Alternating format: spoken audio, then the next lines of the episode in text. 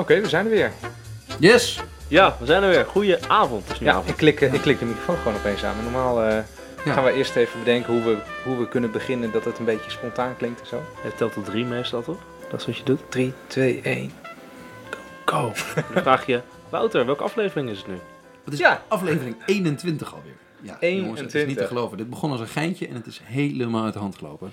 Ja, pittig hoor. 21 En er afleveringen. luisteren, dat is leuk om te weten, er luisteren zelfs mensen naar. Dus eh, we hadden weer eh, meer dan 200 eh, luisteraars vorig jaar. Ja, dat is best wel veel eigenlijk. Ja, nou, dat, Dat is behoorlijk veel voor Ja. politiek. voor Het de, VI de- van, de eh, dingen waar wij over babbelen. ja, thuis luistert er al niemand, niemand naar.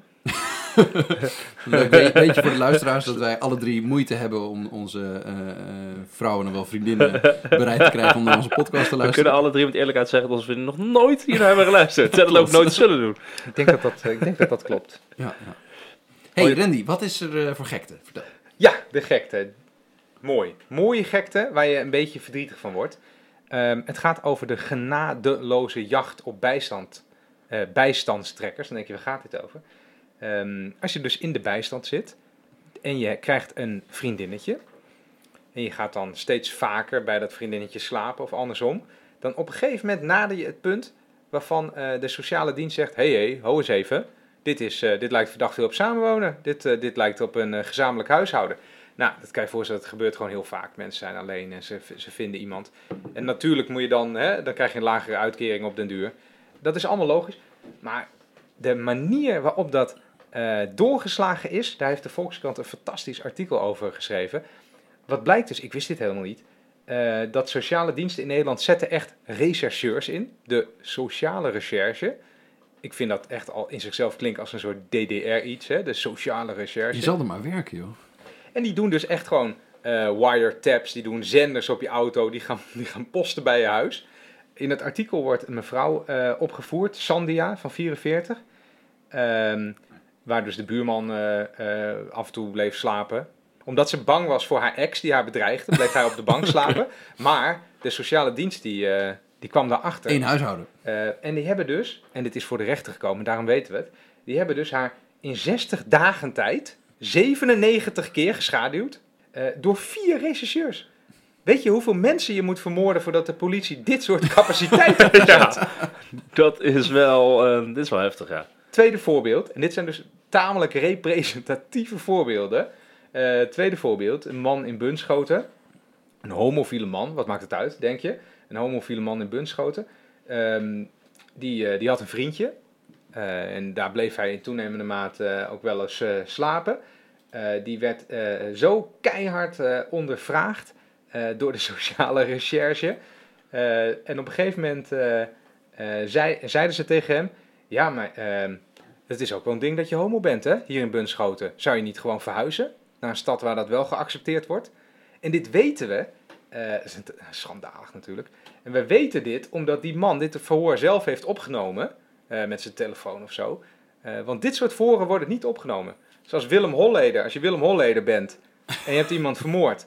Dan word je aan een verhoor opgenomen en dan mag je er een advocaat bij hebben. Als jij verdacht wordt van opluikende verkering, dan, dan word je net zo hard ondervraagd. Alleen dan mag je er geen advocaat ik denk Waarschijnlijk hebben. nog harder ondervraagd. Ik denk dat hier dus, wat het erg is, er zitten ook nog allemaal mensen achter die werken nu bij de sociale dienst. Die zeggen, ja verdomme, wij worden helemaal eh, zwart gemaakt in de media en zo. Want wij doen gewoon ons werk. Ja, klopt. wij wij, eh, leven toch de regels na?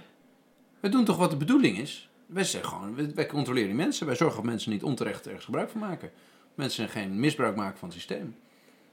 En dit, dus, eh, het, het, het gekke is dat er dus de, mensen die dit doen, of mensen die erbij betrokken zijn, die, die geloven waarschijnlijk dat het een, een prima idee is. Maar het soort van doorgeslagen rechtmatigheidsdenken, dat is wat alles beheerst. Want het is veel duurder om die vier man te betalen om die mevrouw te controleren dan te zeggen van, nou weet je wat, laat maar hangen. Eh, we geloven het wel. Ja, ik zat dus Het is even... want totaal ik- niet doelmatig. Dat vroeg me dus af. Hoeveel levert dit dan op?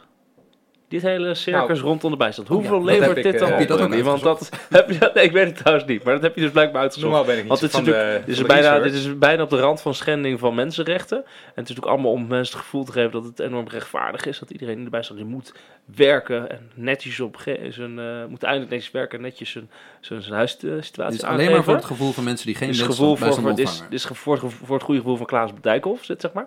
Ja. Maar ehm, ja, hoeveel levert het dan op? Nou, eh, hou je vast. Hè? Hou je vast aan je stoel.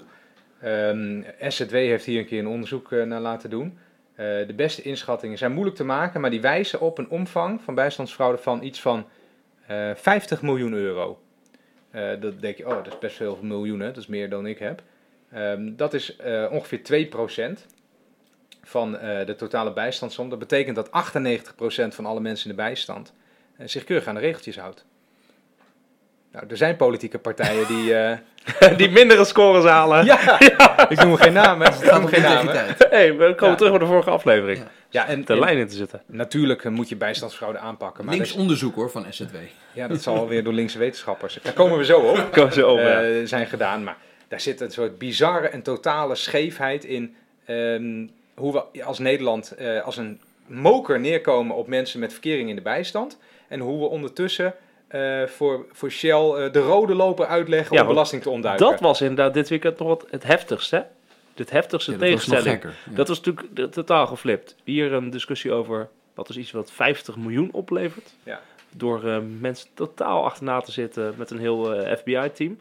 En dan hetzelfde weekend komen we erachter dat dus Shell door de Nederlandse regering vanaf volgens mij nou, vanaf ongeveer 2005, Ja. toen dus de keuze voor lag, gaan we met Shell het hoofdkantoor in Nederland zetten of in Engeland. Dus voor sindsdien ruim 7 miljard ehm, norm- normale zeg maar belastingen, namelijk eh, dividendbelasting Gewoon wat ze niet moeten betalen. wat ze Ja. normaal gesproken had moeten betalen. Dat ze het niet hebben betaald tot er een zogenaamde ruling is afgesproken. Eh, die is afgesproken met de Belastingdienst, ook op advies van de Belastingdienst, ik, met actieve Wat inmenging. is een ruling precies? Een ruling is dat je zeg maar, eh, je kan, je kan een afspraak maken als eh, bedrijf ehm, onder de radar met de Belastingdienst. Geheim ook, hè? Geheim. Dat niet heb ik ook een paar keer geprobeerd. Dat je, dat, je, dat je dus wat minder belasting betaalt dan dat je normaal gesproken zou doen. Maar dat, komt, dat is de uitruil dat je dan wel in Nederland je bedrijf vestigt. Dus je krijgt eigenlijk gewoon een soort korting, hè? een soort voordeel. Dat je dan wel een soort lokkertje, dat je in, eh, naar Nederland komt. En het- ik heb het ook wel eens geprobeerd om een ruling te krijgen over mijn belastinginkomsten. Maar het is nog nooit Ik gelukt. ga naar Duitsland. Het is nog nooit gelukt. Het is natuurlijk wel gênant dat zo, dit... dat dit tegelijk- 7 miljard, 7 miljard, 7 miljard over al die jaren. Dit, dat gaat ook tikte maar tegen de microfoon, gaat goed. Een hal, dit zal waarschijnlijk eh 500 miljoen per jaar zijn of zo. Of een miljard En? per jaar wat de Shell aan belastingvoordeel heeft gekregen. En wij En dat zitten is hier alleen Shell. 50 Dat is alleen Shell nog Klopt, maar. dat is eens Shell. Ja, alleen Ja. Shell. Maar hoe kan het dan dat wij het een, een oké vinden als er zo'n focus is op... We moeten die mensen die arm zijn, die mogelijk een heel klein beetje, misschien wel, als we het goed onderzoeken, misbruik maken van de sociale voorzieningen die wij hebben.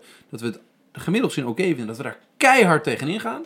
Terwijl de miljarden die we gewoon legaal afspraken laten maken door bedrijven met onze belastingdienst, dat, dat, vinden, we, dat vinden we prima. Ja, in Nederland zijn we nou eenmaal jaloers eh, neerwaarts en niet, eh, eh, niet opwaarts. In Nederland zijn En? mensen zijn jaloers op mensen in de bijstand. Dat snap ik ook niet. En wat erbij zit, is dat, en daar gaan we het zo over hebben, Mhm. dat als jij een wetenschappelijk verhaal hebt dat het fiscaal bevoordelen van dergelijke bedrijven leidt tot meer werkgelegenheid, dan eh kom je nog eens een goed mee weg. Ja, Kan maar wie moet uitleg ook. Stop, stop, stop. eens uitleg ook. Je zit nu Oh. stiekem op te kruipen naar het hoofdonderwerp. Ja, sorry. En dat is ook jouw onderwerp. Eh, waar gaan we het over hebben? Eh, de titel is Waarom zijn politici bang voor wetenschappers? Of voor de wetenschap. Dan moeten we nog even kijken wat beter eh, staat als we het zo intikken. Ja. Nou, vertel eens. Waar, waar gaat dit over? Nou, ik zat dit weekend gewoon eh, de krant te lezen. En ik, eh pittig, was zwaar. Ja, ik, dan kan ik meer vertellen over dit weekend. Maar ik zat, het, ik zat de krant te lezen en er stond een heel groot artikel drie pagina's, in de Volkskrant over de wetenschappelijke bureaus van politieke partijen in Nederland. Eh, en eh, dat is zo, hè? De- vooral de traditionele partijen. Die Wat zijn dat, vroeger een dat wetenschappelijk even. bureau, dat is dus een bureau wat is, is gelieerd aan een bepaalde stroming. Dus bijvoorbeeld aan de liberale stroming, dus bij de VVD, of aan de christendemocratische stroming, het CDA, of eh sociaal-democratische PvdA.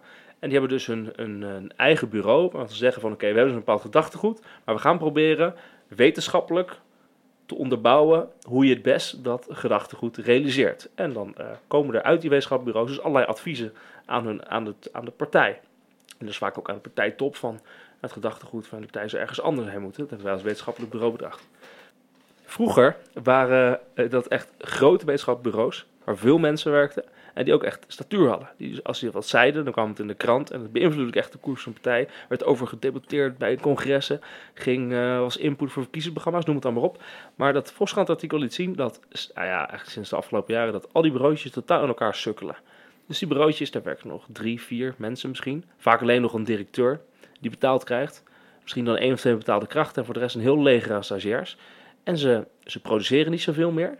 Ze zijn ook steeds minder eh, onafhankelijk in de zin dat ze steeds meer in de lijn van de partij zitten. Een beetje behalve reclamebureautjes. Ja, Ehm, en ze hebben dus eh, aan de leiband en ze hebben dus helemaal geen invloed meer. En ehm, dat is het interessante. Dus je hebt de grote bureaus, dus de Telderstichting van de VVD. Je hebt, eh, het heet gewoon het wetenschappelijk bureau van CDA, toch? Heeft er een andere naam? Het wetenschappelijk Ja, bureau. dat heet het geloof ik. wetenschappelijk bureau inderdaad. Het wetenschappelijk Dat is nogal pretentieus. En je hebt de Wiardi Beckman Stichting. Ja, En die, die zijn ze De alleen maar kleiner aan het worden. Stichting. En de Van Stichting van D66. D66. En je ziet dus het interessant dat 50PLUS en Denk, die hebben ook een eigen bureautjes opgestart. Maar er zit, ja, het is eigenlijk gewoon een soort campagnemachine. Maar het grappige is dat je je afvraagt, ja, waarom is dat nou zo? Waarom wordt het nou alleen maar kleiner en kleiner? Ja, het, ik moet e- eerst, het, raakt me wel een beetje. Ik heb eh, een tijdje dingetjes gedaan bij de, de jongere tak van zo'n wetenschappelijk bureau. En daar merkte je inderdaad ook dat het langzaam afgebroken wordt. Het heeft er deels mee te maken dat ehm, het werkt als volgt. Een partij die krijgt subsidie van onze overheid om zo'n wetenschappelijk bureau in stand te houden. En die subsidie is gebaseerd op het aantal zetels dat je in de Tweede Kamer hebt. Dus als je partijen veel zetels in de Tweede Kamer hebt, dan krijg je meer subsidie om iets met je wetenschappelijk bureau te doen. Ja. Ehm, en dat wetenschappelijk bureau, dat, dat geld hoort ook eigenlijk te gaan naar het wetenschappelijk bureau. Maar eh, de overheid heeft controleert dat niet actief. Dus er wordt niet actief gekeken. Besteed jij het daadwerkelijk wel aan activiteiten zoals symposia, masterclasses of eh, wetenschappelijke publicaties? Eh, je kan het ook gewoon uitgeven aan flyers of aan, aan campagnebijeenkomsten. wat En ik dus las, als ik je even mag Ja, onderbreken. tuurlijk. Ja. 50 plus, het bureautje van 50 plus, die gaf dus, even kijken dat ik het goed heb, 85% van zijn budget uit aan eh, peilingen van Maurice de Hond. 85%. Ja, dat is super interessant. En dan kan je gewoon zelf een, een vraag stellen. Want Maurice de Hond kan je gewoon een vraag stellen. En die kan altijd supersturend zijn. Ja. Ehm, wat vinden ouderen van bladibla? Ja, Ja. oh, dat dat willen is- ze niet. Ja, oh. Eh, dat is natuurlijk precies wat er in de hand is. Van waarom worden die wetenschappelijke steeds kleiner? Van die grote partijen. Waarschijnlijk gewoon omdat de partijtop zegt: het is niet meer nuttig. Het is niet nuttig, die dingen. We krijgen zeg maar allemaal kritische rapporten op het moment dat we niet op zitten te wachten. Daar kunnen we niet zoveel mee. Het komt nooit uit. Het komt eh, in die zin eh, geen media-aandacht. Het leidt niet meer tot, eh, tot goede programma's, zeg maar. Ehm, dus wat je ziet gebeuren is twee dingen. Namelijk één, die kleine bureautjes, of misschien ook bij de andere bureaus. Het geld wat wordt ontvangen, wordt nu ingezet eigenlijk voor reclame, voor de partij. Gewoon simpelweg reclame. Nou, daar heeft de partij toch nog wel zin in. Hè? Dat is wel leuk om te hebben. Ehm, en wat er verder gebeurt, is gewoon een totale afbouw van die bureaus. Ehm, en nu is de vraag, vervolgens, is dit nou eigenlijk erg? Of niet? Nou, ik, één, vraag is, is het erg? Een andere vraag is ook, waarom is dit, vinden we dit allemaal niet zo raar? Eh, want ik denk dat als je ehm eh 15 jaar geleden had gekeken, toen, toen hadden, ik, ik ken dan toevallig een beetje de, de Telder Stichting, de Wiardi Beckman Stichting. Eh, daar, werden, daar werden ook hele felle intellectuele discussies op de opiniepagina's van kranten uitgevochten door mensen die voor die bureaus werkten. Die, Ja, die gingen precies, met elkaar ja. inhoudelijk in debat. En eh, wat je langzaam bent gaan zien is dat die, eh, die bureaus werden kleiner en die bureaus werden ook steeds meer betrokken bij de ehm, partijcongressen van, van dit, van, in dit geval dan de VVD en de PvdA. Ehm, om inhoudelijke discussies daar te organiseren tussen leden. En, en die werden ook, nou, als ze dan het goed deden volgens partijbestuur, mochten ze het nog een keertje doen. Als ze stoute dingen deden, dan belde de partijvoorzitter even op van wilt u dit en dit eventjes niet meer zeggen. Dus er kwam steeds meer, eh, volgens mij, het gevoel binnen die wetenschappelijke bureaus zeg dat, maar. dat meningen wel nou, wetenschappelijk onderbouwd moeten worden. Maar als ze niet fijn zijn, dat ze dan maar beter niet geuit kunnen worden. Ehm, dus dus ik heb, volgens mij is het zo dat, dat wetenschap steeds meer ehm, in, in de politieke wereld gezien wordt als ook maar een mening die je op bepaalde momenten kan uiten. Ja, en die ook op bepaalde momenten goed uitkomt. Ja. En op bepaalde momenten niet goed uitkomt. Ja. Dat is misschien nog wel een interessante nuance. Vroeger had je dat eh, bij de WBS is een eh, bekende voorman, directeur is natuurlijk eh, Joop Uyl geweest. Dat was een intellectueel persoon. Was vroeger was dat, was dat dan de directeur van wetenschappelijk bureau. Krijgt een mooie carrière. Bij het CDA heb je Alp Klink gehad, die heel lang directeur is geweest. Wordt Ja. minister van uh, Ja, Volksgezondheid, noem het maar op. heeft daar ook eh, Balken heeft ook rondgelopen. En nu... Femke het Halsema heeft Femke ook trouwens, die heeft bij de Jardy Beckman Stichting ook Maar nu is dat in die zin, eh, ehm, In die zin is het, eh, is het allemaal weg. Ja, oké, maar je zegt dus, ehm, het komt politici ook vaak niet uit. Het komt politie niet uit. Dus die partijen vinden het ook niet zo erg dat die stichtingen een beetje gemarginaliseerd zijn geraakt. Nee, maar er zijn ook genoeg andere bronnen. Ik bedoel, je hebt genoeg ambtenaren die allemaal rapporten schrijven waar je uit kan putten. Je hebt eh, ik allemaal vind dat eh, wel, wetenschappelijke stukken waar Dat, je uit kan dat putten. triggert mij dan altijd een beetje, want ehm, als, we het heb- als we het hebben over populisme, dan denken we altijd dat is alleen, heeft met migratie te maken. Maar volgens Nee, mij heeft dat ook met technocratisch eh, bestuur te maken. En dan denk ik aan ehm, hoe beleid wordt gemaakt in Nederland. Alle nieuwe, of alle, heel veel nieuw beleid komt eigenlijk voort uit eh, de, de rapportjes van het CPB. eh, wordt geschreven door ambtenaren. Ehm, en, en vroeger kwam beleid ook uit, die, uit deze bureautjes die je noemt. Hè? zeker. Nou, daar zeker. komt echt niks meer uit nu, volgens mij. Nee, nee. Het is ook niet zo praktisch wat er uit die bureaus komt ten opzichte van wat praktische Maar dingen dat- ambtenaren Het gekke was, dus zijn. eigenlijk is er, dat, misschien ben ik een soort liefhebber van het, eh, van het abstracte af en toe, ehm, is er een soort minder waardering gekomen voor de grote ideeënvorming. Ik denk Ja, dat in de jaren negentig was het nog heel, dan had je echt een ideeënstrijd tussen de, de, de christendemocraten, de liberalen en de sociaaldemocraten. Ja. Een ideeënstrijd die zich ook in de wetenschap afspeelde van hoe een maatschappij het beste vormgegeven kon worden. En die, die wetenschappelijke bureaus die waren bezig om de, de, de meest vooroplopende wetenschappelijke denkers te linken aan hun maatschappijvisie en hoe je daar een, een logisch verhaal van kon brouwen. En die partijen vonden dat super waardevol. Als er weer zo'n boek uitkwam waarin besproken werd dat het toch echt eh, anders zou kunnen zitten, dan durfde men daarover te twijfelen. En die twijfel die eigenlijk inherent is aan wetenschappelijk onderzoek, dat je permanent falsificeert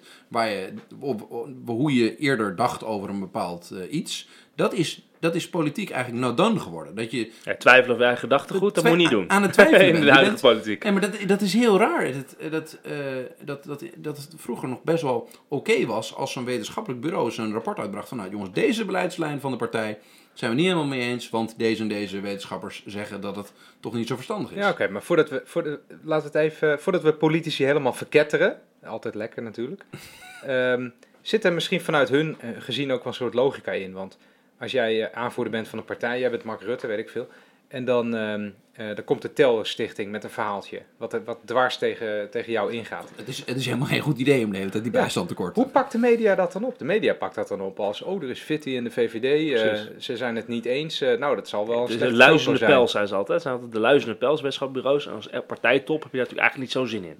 Is gewoon heel vervelend. Maar dit vereist Dat echt is- de grootsheid. Mensen die, die werkelijk eh, het, het beste voor hebben met zo'n land, die, dur, die zijn zo groots en sterk dat ze zichzelf durven uitdagen door de wetenschap.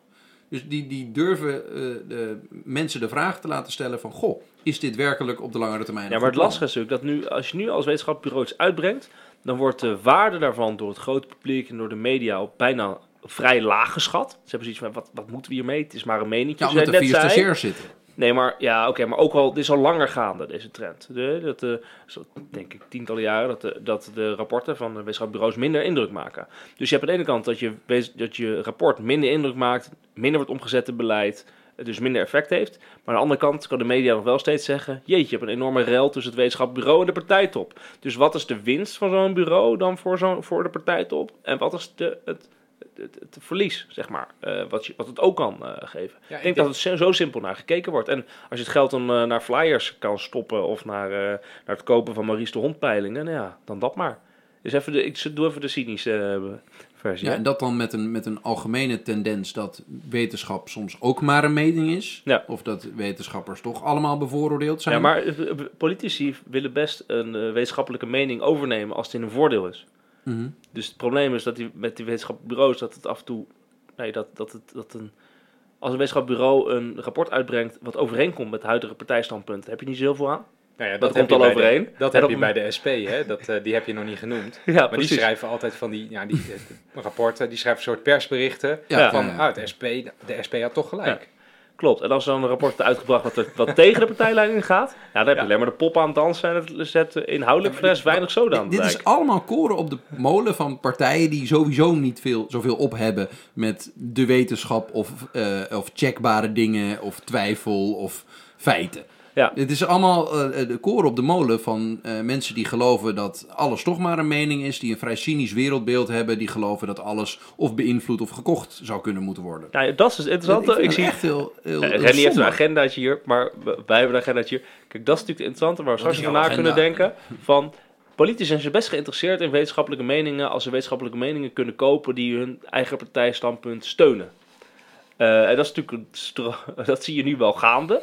Bijvoorbeeld net bij die Shell, eh, Shell-discussie van de afgelopen periode, in ieder geval de dividendbelasting van de afgelopen periode. Maar laten we Vertel eens, vertel eens. eerst, laten we eerst even gaan naar van. ehm, inderdaad is het zo dat goede wetenschappelijke standpunten wil je graag hebben als politicus, want dat steunt jou. Maar je hebt geen zin in vervelende tegengeluiden vanuit de wetenschap. Dus je probeert natuurlijk te voorkomen. Daar ga je keihard tegen in. Politici Dat is wat je zijn, ziet. Dan ja. zit je dus niet meer in de wetenschappelijke bureaus, maar dan zit je meer in het algemeen. De echte wetenschap. De, ja, eh, de echte, de echte wetenschapper. Daar ging natuurlijk, waarom zijn politici bang voor wetenschappers? Dat was de, de vraag. Dat is natuurlijk gewoon dat, eh, omdat wetenschap kan totaal tegen jouw wereldbeeld te Waar, gaan. waar ik dan aan moet denken is een artikel over, ehm hoe heet die VVD, eh, die VVD, Duisenberg. Pieter Duisenberg. Duizend Ja. Ehm, en die zei, oh, we moeten onderzoek doen naar de politieke kleur van eh, Wetenschappers. Nee, we moeten de Wetenschappers. politieke kleur van wetenschappers gaan registreren, toch? Die moeten we gaan eh, registreren bijhouden. zelfs. Ja, dat is, Best, dat is heel eng, dat is heel bruin. Hè? Ja. Dus zeg maar, dat is, niet. Ja. Maar, Ja, eng, ja. maar dat is precies wat je, wat je, dit is precies wat je ziet. Dus de wetenschappelijke bureaus van je eigen partij, die kunnen lastig zijn. Dus die, eh die, ge- geven Die kan je geld kalt meer aan. stellen, Dus kan je kalt stellen. Hup. De echte wetenschap, even zo te noemen, of zeg maar de universitaire wetenschap, die kan je niet kalt stellen. Dus je moet twijfel gaan zaaien over hun eh, bedoelingen. Als jij kan zeggen, ja, het zijn wetenschappers, het zijn eigenlijk allemaal eh, politici in, in wolfskleren, schaapskleren.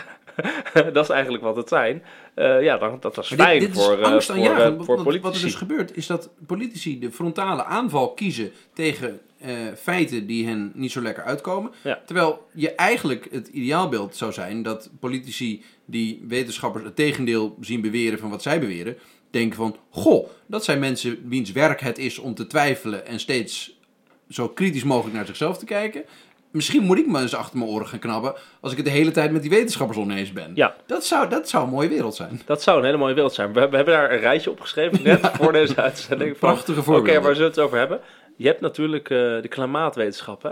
Dat eh, IPCC heet het volgens mij. Ja. Dat, eh, Dat VN-ding. Ja. ja, VN-ding Ja, over, maar de, de- over de, inderdaad, de, De die, meest al- hoogstaande klimaatwetenschappers ter Ja, wereld alle- verenigd zijn. Precies. Jij kan het beter zeggen dan Ah, ik. ik Ja. word er altijd helemaal, helemaal beeld van, van dit soort dingen. Dat, dat, je, dat je merkt dat...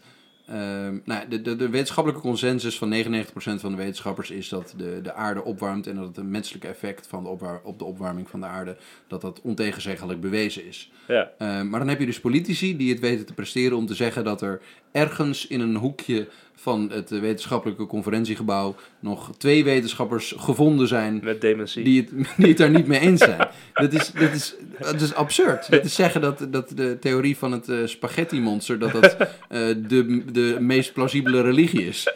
Dat, dat is. Als je ook mensen kan vinden die iets zeggen... maakt het niet ook een gelijkwaardige mening... wanneer er onder eh, een wetenschapsveld... Een, onder peer-reviewed artikelen een consensus is ontstaan. Ik zie dat je ook helemaal rood wordt. Ja, je, je kan het. Je Je kan niet zelf slecht ook tegen. Nou, ik, ik, ik heb een heel positief mensbeeld. En ik geloof dat mensen gemiddeld gezien wel, wel eh, goed van zin zijn. Maar dat, dat, mensen die dit uit hun strot krijgen, die, die kan ik niet anders bijna dan vermoeden van kwade bedoelingen. Ja.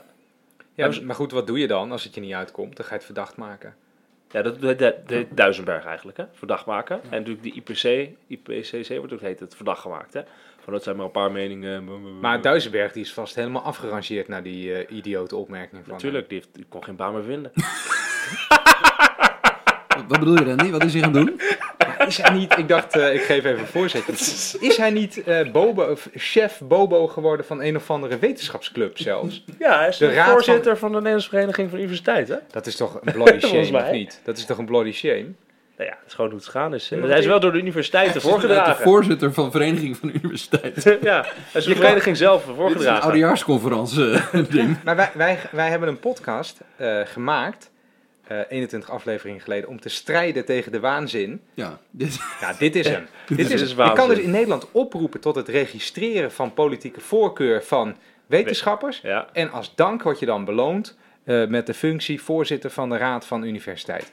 Dat is toch al getikt? hij heeft ook nog niet? de studiefinanciering mede afgeschaft. ja klopt. Die man die gaat als een sloopkogel. eh, Maar er zijn meer van dit soort voorbeelden. Ja, het andere voorbeeld waar we tegenkwamen was het eh, WODC.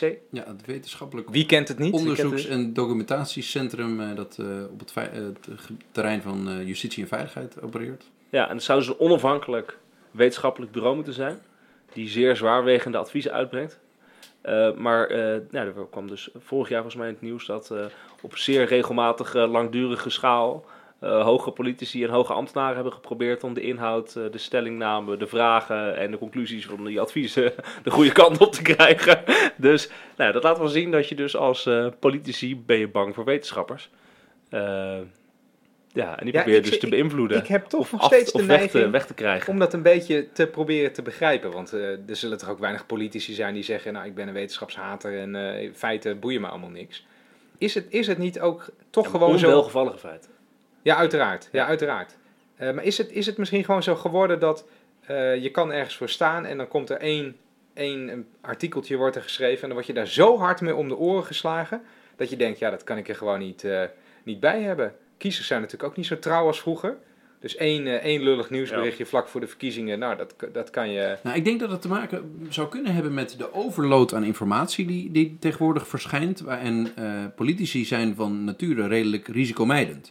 Dus je probeert de risico's die voort kunnen komen uit de ontembare stroom van informatie, die probeer je te minimaliseren. En nou ja, eh, een, een vrij accuraat beeld van de werkelijkheid, zoals de wetenschap meestal eh poogt te geven, dat wil je dus vermijden wanneer jij misschien wel eens dingen doet die kunnen stroken met die werkelijkheid. Ja, eh, ik denk dat je het heel goed zegt. Zeg maar, het proberen te beperken van de negatieve risico's Ja, van de wetenschappelijke publicatie. Dat is een beetje de rode lijn wat ze tot nu toe vertellen. Toch? Je hebt, je hebt Je hier kan die risico's verkleinen door politici verdacht te maken, door je wetenschappelijke bureaus op te heffen, door ehm hebben we nog meer rapporten te proberen te beïnvloeden wat erin komt te staan. En eh, die ene demente wetenschapper in de hoek van het gebouw proberen te vinden die zegt dat klimaatproblemen eigenlijk niet bestaan. Ja, dus je bent Ja. gewoon, je hebt de macht als eh, bewindsvoerder of, of, politicus. En die macht probeer je maximaal te kunnen gebruiken. En de risico's dat er tegenmacht georganiseerd wordt door feiten die jou niet helemaal goed uitkomen, die probeer je te minimaliseren. Dus alle meningen die daar niet mee overeenkomen, ook al strookt het heel goed met de werkelijkheid, want de wetenschap heeft volgens mij het doel om de werkelijkheid voor ons beter te begrijpen. Ehm, dan maak je de afweging, goh, vind ik het belangrijk dat we de werkelijkheid goed begrijpen? Of vind ik het belangrijk wat mijn belang is? Namelijk mijn positie behouden en mijn macht behouden. Nou ja, dan is de afweging snel gemaakt. Ja, Ja. Je weet wat ze zeggen, hè? mensen met nieuwe ideeën, dat zijn eh ordeverstoorders, rebellen. Ja, precies, ja. Dat is levensgevaarlijk. Je zal maar bovenaan de piramide zitten en dan komt er iemand en die zegt, ja, maar die, dat klopt helemaal niet met de Ik denk ook dat het gezag van de, de we- wetenschapper daardoor flink kan afnemen. Dat, dat in, in, eh, eh, ik, ik heb een tijdje in, in, in Duitsland mogen wonen en daar is eigenlijk iedere ehm, eh, politicus is ook her, dokter, professor, ingenieur.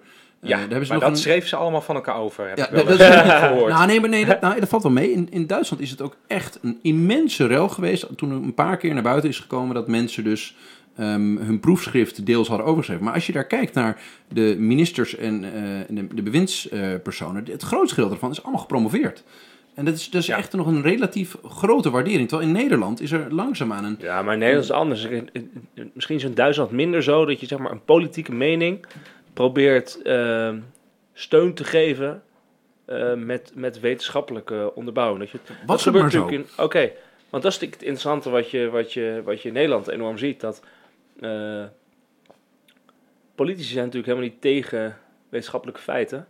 Ze zijn vooral alleen heel erg voor de wetenschappelijke feiten die hun eigen verhaal ondersteunen. Je ziet het elk Kamerdebat, op het moment dat een rapport ligt ergens, of een analyse, of een whatever, dan staat elke politicus staat te, te wapperen met het stukje papier waarop staat dat het zijn eigen mening eh, versterkt. En dat is natuurlijk, we hebben het nu het gehad over het proberen te beperken van negatieve risico's van, eh, van, eh, van wetenschappelijke publicaties, maar proberen ze te, in Nederland hebben we natuurlijk nog een hele andere trend, namelijk dat politici hun best doen om ehm, eigenlijk zoveel mogelijk wetenschappelijk eh, publicaties hun eigen richting in te krijgen. Ja. Dat is wat je, wat je, wat je nu ziet. Hè? Dus ehm, Ja. we gaan naar het volgende puntje, denk ik. Wat een En bruggetje. de andere manier waar we dus we hebben een, eh, we, we- we- er is een soort wantrouwen ten opzichte van de wetenschap en de politiek die wakkert dat aan waar ze maar kunnen door, door wetenschappelijke bureaus eh, eh, en hun invloed te minimaliseren en door, door waar het even uitkomt eh, ook de, de wetenschap verdacht te maken en van een politieke kleur te betichten. Eh, want dat zijn risico's. Maar aan de andere kant heb je dus, oké, die wetenschap kan ons heel slecht uitkomen, maar kan ons ook goed kan uitkomen. ons helpen. Om bestaande belangen in onze maatschappij te verdedigen. om, ons, om ons politieke verhaal te ondersteunen. Precies. Dan, dan- En nu gaat Randy het verhaal ik- vertellen. ja, nee, ik merk dat we gewoon een beetje gaan samenvatten wat we al hebben gezegd. Dat klopt Mooi, allemaal. Ja, schitterend. Dat kan je ook goed eh, altijd. Ik wil het hebben over iets anders. Echt een enorm grote ergernis voor mij.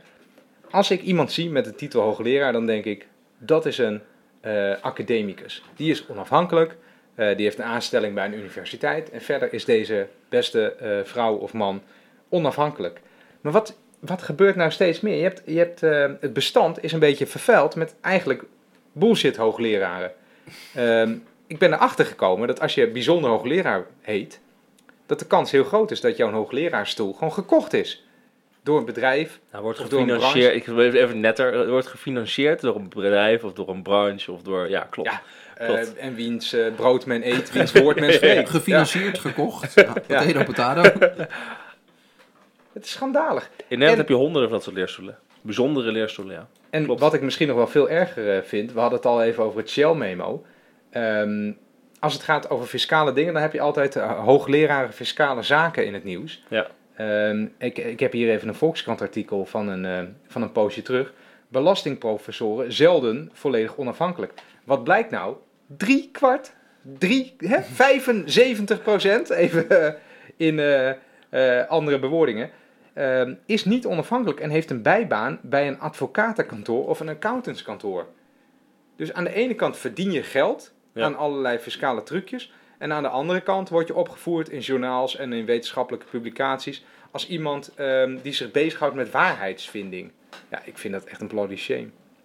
Ik denk dat dit ook voor een heel groot deel verklaart eh, hoe deplorabel de Nederlandse eh, fiscale zaken ervoor staan.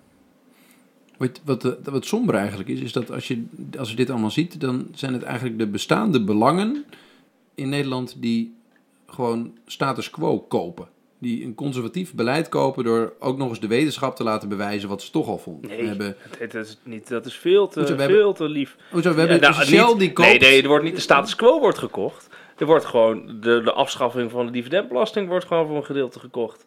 Het is geen status quo, dat is een, eh, f- verder eh, de, de verkeerde kant op. Oh, Je bedoelt een verschraling van, van dus Ja. de, de, de, waar het geld zit, het, het, we- klontert het samen. nee, maar we hebben het nu over de bijzondere leerstoelen. Daar zit natuurlijk wel een idee achter inderdaad. Als het gefinancierd wordt, Dat doe je niet uit goedheid. dat doe je hè? niet uit Nee. goedheid. Nou, om nee, je eigen, eigen beroep er goed op te laten zetten. Zoals bijvoorbeeld bij de, bij de vereniging van, eh, wat is het, de Nederlandse Vereniging van Lobbyisten heeft ook zo'n eh, leerstoel volgens mij. Ik weet dat, eh, dat eh, pensioenfondsen hebben er ook een, vakbonden hebben ook leerstoelen, eh, allemaal banken hebben ook allemaal eigen leerstoelen en Farmaceutische zo. Farmaceutische industrie. En dat doe je natuurlijk, dat betaal je wel als je er iets voor terugkrijgt, toch? Maar dat is toch ook gek? Dus je dat- krijgt gewoon geloofwaardigheid kopen. Je koopt geloofwaardigheid. Want je hebt, je dus- eigen- je hebt, iedere grote bank heeft een economisch bureau. Dat weet ik dan omdat ik zelf eh, in die hoek zit. Ja. Ehm, en die, die bobo's, hè, die, die chefjes van die economische bureaus, die zitten dus vaak op een leerstoel, gekocht door de, univer of de, gekocht door de bank. Ja. Ehm, dus eh, hun woordvoerder economische zaken van een bank, die gewoon in het bankbelang spreekt natuurlijk, Ja. die krijgt even een hoogleraartiteltje voor zijn naam. Ja. En dat staat enorm goed. En de En universiteit heeft het ook nodig. publieke hè? debat. De universiteit heeft ook eh, geld nodig. Wat ik, ik wil je wel een vraag stellen. Eh, ik, ik heb ook een tijdje in de, in de Verenigde Staten mogen eh, studeren. En daar zijn bijna alle universiteiten die goed zijn, zijn privaat gefinancierd. Eh, maar daar bestaat wel de overtuiging dat universiteiten het op de langere termijn niet kunnen handhaven om alleen maar in naam van bepaalde belangen eh, te spreken. Dus de echte, de Ivy League universiteiten, de Princetons, de, de Yales, de MIT's, de Harvards, de, de Stanfords van deze wereld, die hebben heel veel financiering vanuit private bronnen, maar kunnen het zich niet permitteren om werkelijk eh, slecht onderzoek te doen, omdat dat de concurrentiepositie ten opzichte van ook privaat gefinancierde instituten die met hen concurreren direct in gevaar brengt. Dus die kunnen niet een paar broddelwetenschappers laten financieren door een bank of door een oliebedrijf. ehm, die, die gewoon maar wat publiceren wat het oliebedrijf de volgende dag wil horen. Omdat daar werkelijk concurrentie op de inhoud Ja, maar dan zeggen ze dat, is dat zo? Want als, als we die redenering zeg maar, op Mhm. Nederland toepassen... eh, laatst eh, lekte er eh, memo's uit rondom de afschaffing van de dividendbelasting. Eén memo was gemaakt door de heer Wiebes, was het VVD-stuk. En daar stond een eh, voetnoot in. Een voetnoot naar een rapport. Hoe heet die mensen? Een eh, rapport ehm, dat was geschreven door de hoogleraar strategisch management Henk Volberda. En zijn collega's, collega's Mark Baai, Frans van den Bos en Tom Mom. Tom Mom, ja, dat is ook, Echt zo? dat is ook geen normale Oké. naam natuurlijk. Maar die Ja. zijn, dat is Zijn Erasmus broer is een Universiteit, toch? Dit is. Erasmus Universiteit, volgens mij.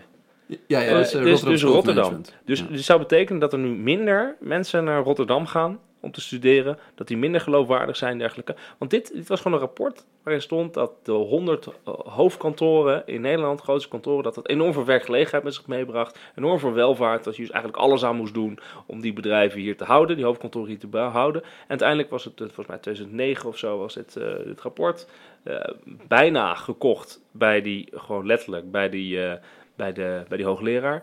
Met handtekening Nou. eronder van Shell, Ja, stop. VNO, eh, wat is het nog meer? Eh, Ja, al die boeven. Unilever. eh, niet, ze stonden er allemaal onder alle handtekeningen. niet Bijna, en, en, die heeft weer een bron. niet, niet bijna gekocht. Oh, ja, Follow the Money had er natuurlijk een stuk naar Eén geschreven. Ja. tegelijk. Follow the Money heeft daar een heel artikel over geschreven. Er zit gewoon een plaatje bij van de facturen Ja. eh, die Shell heeft betaald voor dit artikel.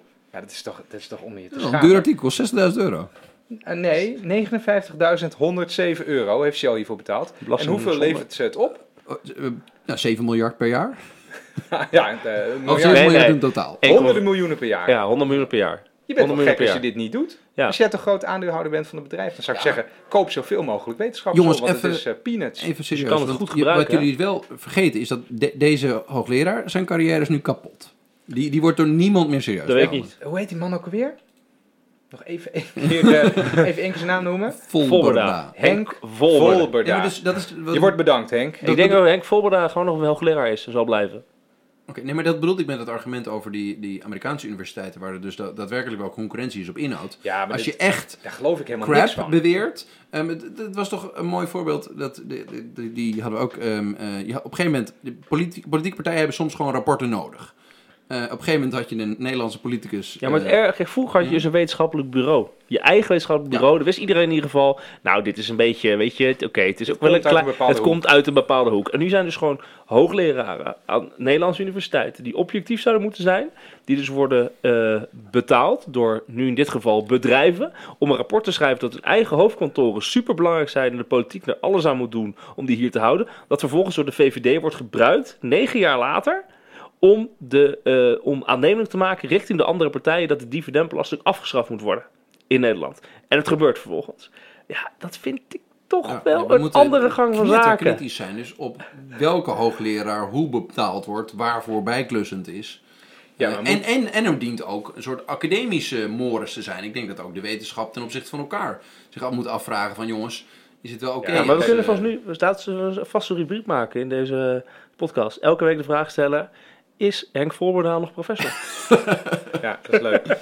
Grapje. leuk. We gaan het straks even googlen of het nog eh, zo is. Ja. Maar vertrouwen op de Morris, daar geloof ik dus niks van. Want die Morris, eh, die is er nu ook. Ehm, en dat leidt alleen maar tot massaal gekochte Nee, en maar- beïnvloede Maar we, onderzoeken. we moeten er niet van maken dat wij nu een soort van eh eh verdachtmakingsbabbeltje houden voor de gehele wetenschap.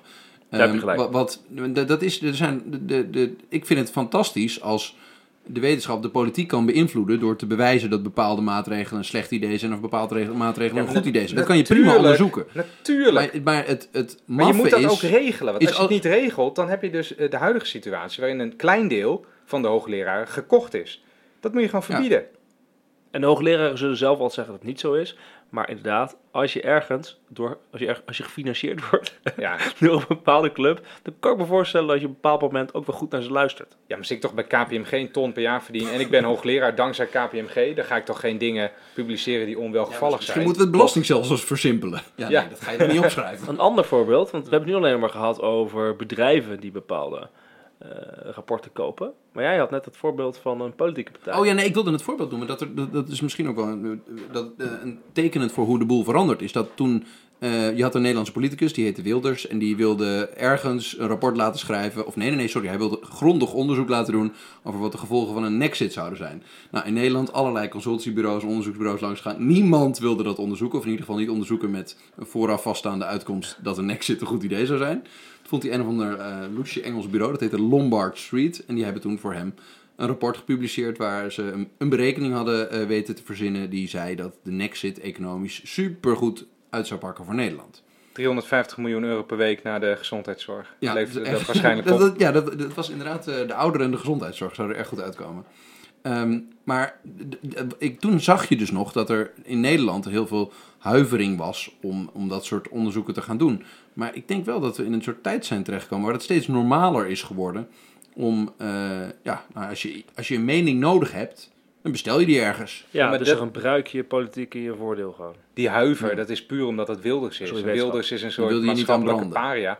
Maar eh, eh, Shell of de Rabobank of KPMG, dat is allemaal prima. Ja, maar er is ook een soort van een soort markt ontstaan voor totaal ehm, onverifieerbaar, niet wetenschappelijke eh, rariteiten beweren onder de pet van een universiteit. De, de, een, paar, een paar van die, van die rechtsfilosofen in Leiden doen dat eh, grootschalig.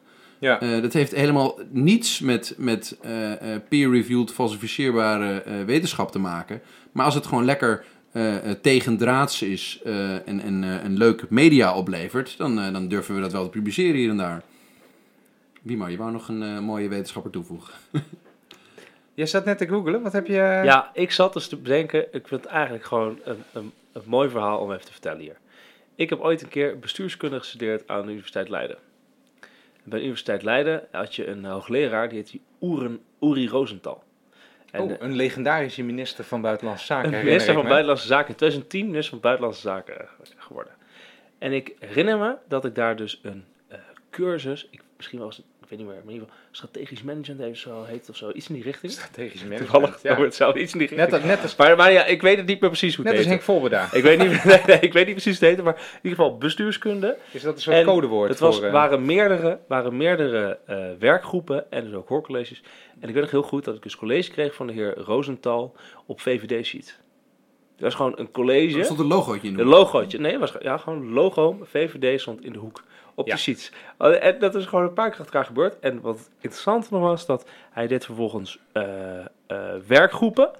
En daarin kwamen mensen aan het woord. Ook die lobbyist waren. Eh, en die hadden dan daarvoor bij de VVD-fractie gewerkt, gewerkt en waren VVD-lid. Die gaven daar, eh gingen weer vertellen wat het zeg maar, was om in de publieke sector te werken.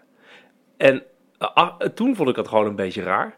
En achteraf denk ik, wat, wat is daar eigenlijk gebeurd? Er zitten daar dus gewoon tientallen Ja. studenten eh, bestuurskunde. En die krijgen dus les op VVD sheets van een onafhankelijk hoogleraar bestuurskunde. Die later dus minister, informateur is.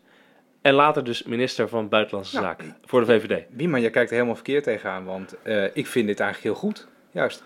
Ik denk dat we ook al die hoogleraren fiscaal recht eh, die betaald worden door KPMG, die moeten ook gewoon eh op KPMG KPMG sheets. sheets.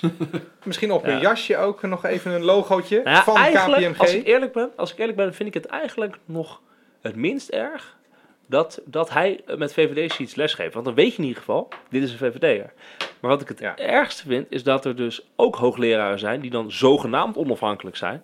Maar eigenlijk inderdaad, misschien voor een bedrijf werken, misschien ergens een positie hebben en dat niet melden. Misschien eigenlijk gewoon altijd, zeg eens wat, altijd GroenLinks stemmen. Maar doen alsof ze onafhankelijk zijn. Ook in hun sheets, terwijl er misschien iets van een GroenLinks voorkeur in doorspreekt. Dat is misschien eigenlijk nog iets erger.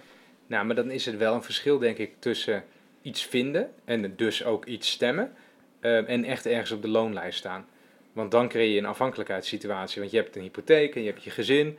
Ehm, en als jij dus ontslagen wordt door eh, de, de financiële instelling waar jij voor werkt, omdat je dus het verkeerde paper hebt gepubliceerd, Ja, maar ja, dat voor, heel veel vakgebieden, als ik, weet ik veel, ik ben een, eh, ik ben een, een, eh, een, een professor eh, theoretische wiskunde of, of archeologie of pedagogiek. Dan maakt het er jou helemaal, dat maakt jou geen donder uit wat ik stem. Dat gaat je ook helemaal niks aan. Nee, dat is waar. Ehm, dit, het, het politiseren van, van de wetenschapsbeoefening slaat in heel veel gevallen helemaal nergens op.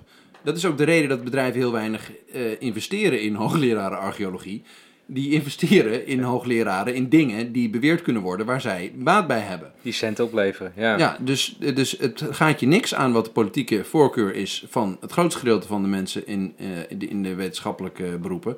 Ehm, maar mensen die betaald worden vanuit geld dat vanuit be- bepaalde bedrijven komt, daar is het prima van als wij dat allemaal even kunnen weten. En de oplossing, we zijn op drie kwartier. ja. Dan gaan we altijd eh, traditioneel een beetje naar de oplossingen, die we dan ook altijd natuurlijk... eh, heel, hele goede constructieve oplossing hebben we dan. Die, die wetenschappelijke bureaus, die, die zijn cruciaal. Dat, eh, Vind je, ja, je vindt het uiteindelijk je ja, dat is ook een beetje een persoonlijke hobby. Ik, ik vond, ik vond En een oplossing is waarschijnlijk subsidie. Eh, nou ja, je hebt heel veel geld heb je voor eh, eh, bureaus. eh, en de- de- die kunnen politici besteden eh, hoe ze maar willen. Ehm, en we, we als overheid eh, betalen we allerlei eh eh, larikoekonderzoek. Eh, ik denk dat, dat het best goed is als, eh, als er een, een gezonde structuur van denktanks is. eh, die die kritisch nadenken over de, de iets langere termijn koers die Ja, verder gaat dan één verkiezing. Ik weet niet hoe je dat moet organiseren hoor. Dat, dat heb ik niet direct onderwerp. Nou, ik denk, het, het punt is uiteindelijk ook dat ze vastzitten aan politieke partijen. Ja, dat lokt, dat lokt beïnvloeding uit. En dat lokt dus ook uit dat, dat, je, dat je onderzoeken misbruikt worden om politieke, politieke partijen te bashen.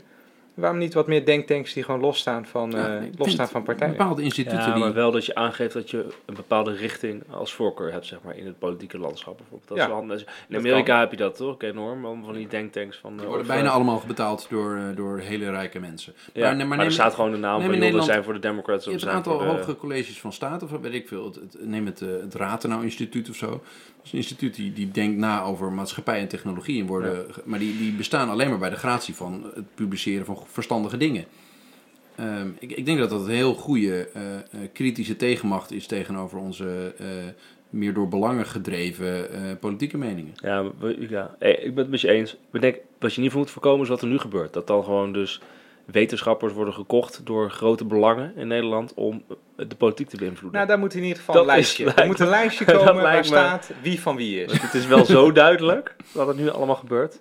Dat gewoon politici en, en bedrijven bepaalde wetenschappelijke meningen kopen. En dat het blijkbaar dus gewoon kan. Ja, dat kan natuurlijk niet. Waarom, Ja. we hebben, hebben we nou wel een antwoord op onze hoofdvraag? Waarom hebben politici een, een, een hekel aan eh, de wetenschap? Ja, omdat ze, on, omdat ze, als je ze niet kan omkopen, dan geven ze onwelgevallige feiten weer. Ja. Ja. Die, die, die, die gebruikt worden tegen jou, tegen jouw politieke mening. En dat is gewoon heel, heel vervelend. Dus probeer, zoals jij zei, het eh neerwaartse management. electorale risico te beperken.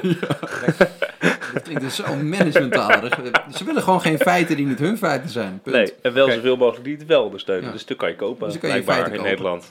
Die kan je kopen. Nou, dat is een mooie conclusie. Nou, niet mooi. Nou, zullen we het hiermee eh, Ja. afronden? Ja. En zijn wij ook, eh, wij zijn niet gekocht, hè? Wij maken dit helemaal gratis. We hebben ook geen reclame. Bijna alle podcasts hebben tegenwoordig reclames erin, hebben we niet. Overigens, Nee. als je reclame wil maken, laat het weten. Oh, ja. Voor een kleine vergoeding kan het ik, denk dat, altijd. ik denk dat het bij sommige bedrijven een beetje, een beetje, een beetje verspeeld hebben. We gaan het niet meer worden. Nee, we blijven, we blijven zuiver. Jij bent ook geblokkeerd door iemand op Twitter, eh, zag ik. Is dat omdat je iets vervelends hebt gezegd? eh? Ik denk dat jij door meer mensen geblokkeerd bent, eerlijk gezegd. dat heb ik nog nooit, is, me- dat is mij nog nooit gebeurd. Ik Nee? ben wel door Geert Wilders geblokkeerd. Net als half eh, Nederland, eh, schijnbaar. Ook niet door Jan Roos? Die loop je wel eens te pesten. Die loop ik heel vaak te pesten. Want die En nu even kijken of je bent. lekker. Jij bent geblokkeerd door Ewald Engelen, toch? Dat was je verhaal. Die kwam ik toevallig achter, ja. Dat wist ik niet. Ik dacht dat ik ook altijd eh, schattige progressieve dingen zei. Maar dat nou, zei maar niet. Nou, ik kan me vaag herinneren. Ik luister die podcast zelf eh, niet. ik denk niet, dat ik een keer per terug. ongeluk iets stouts over hem gezegd heb. Nou, volgens mij heb je iets gezegd dat. Je was wel positief, maar je zei iets van. Ja, maar hij slaat soms door of zo. Zoiets heb je Ja, dat zou, gezegd. dat zou goed kunnen. Maar ik had daar ook wel een punt, moet ik zeggen. Goed zo. Hij, hij luistert toch niet, dus prima. Dat zal nog niet, nee. Nou, bedankt voor het luisteren. Bedankt voor het luisteren. En tot ziens. Nou,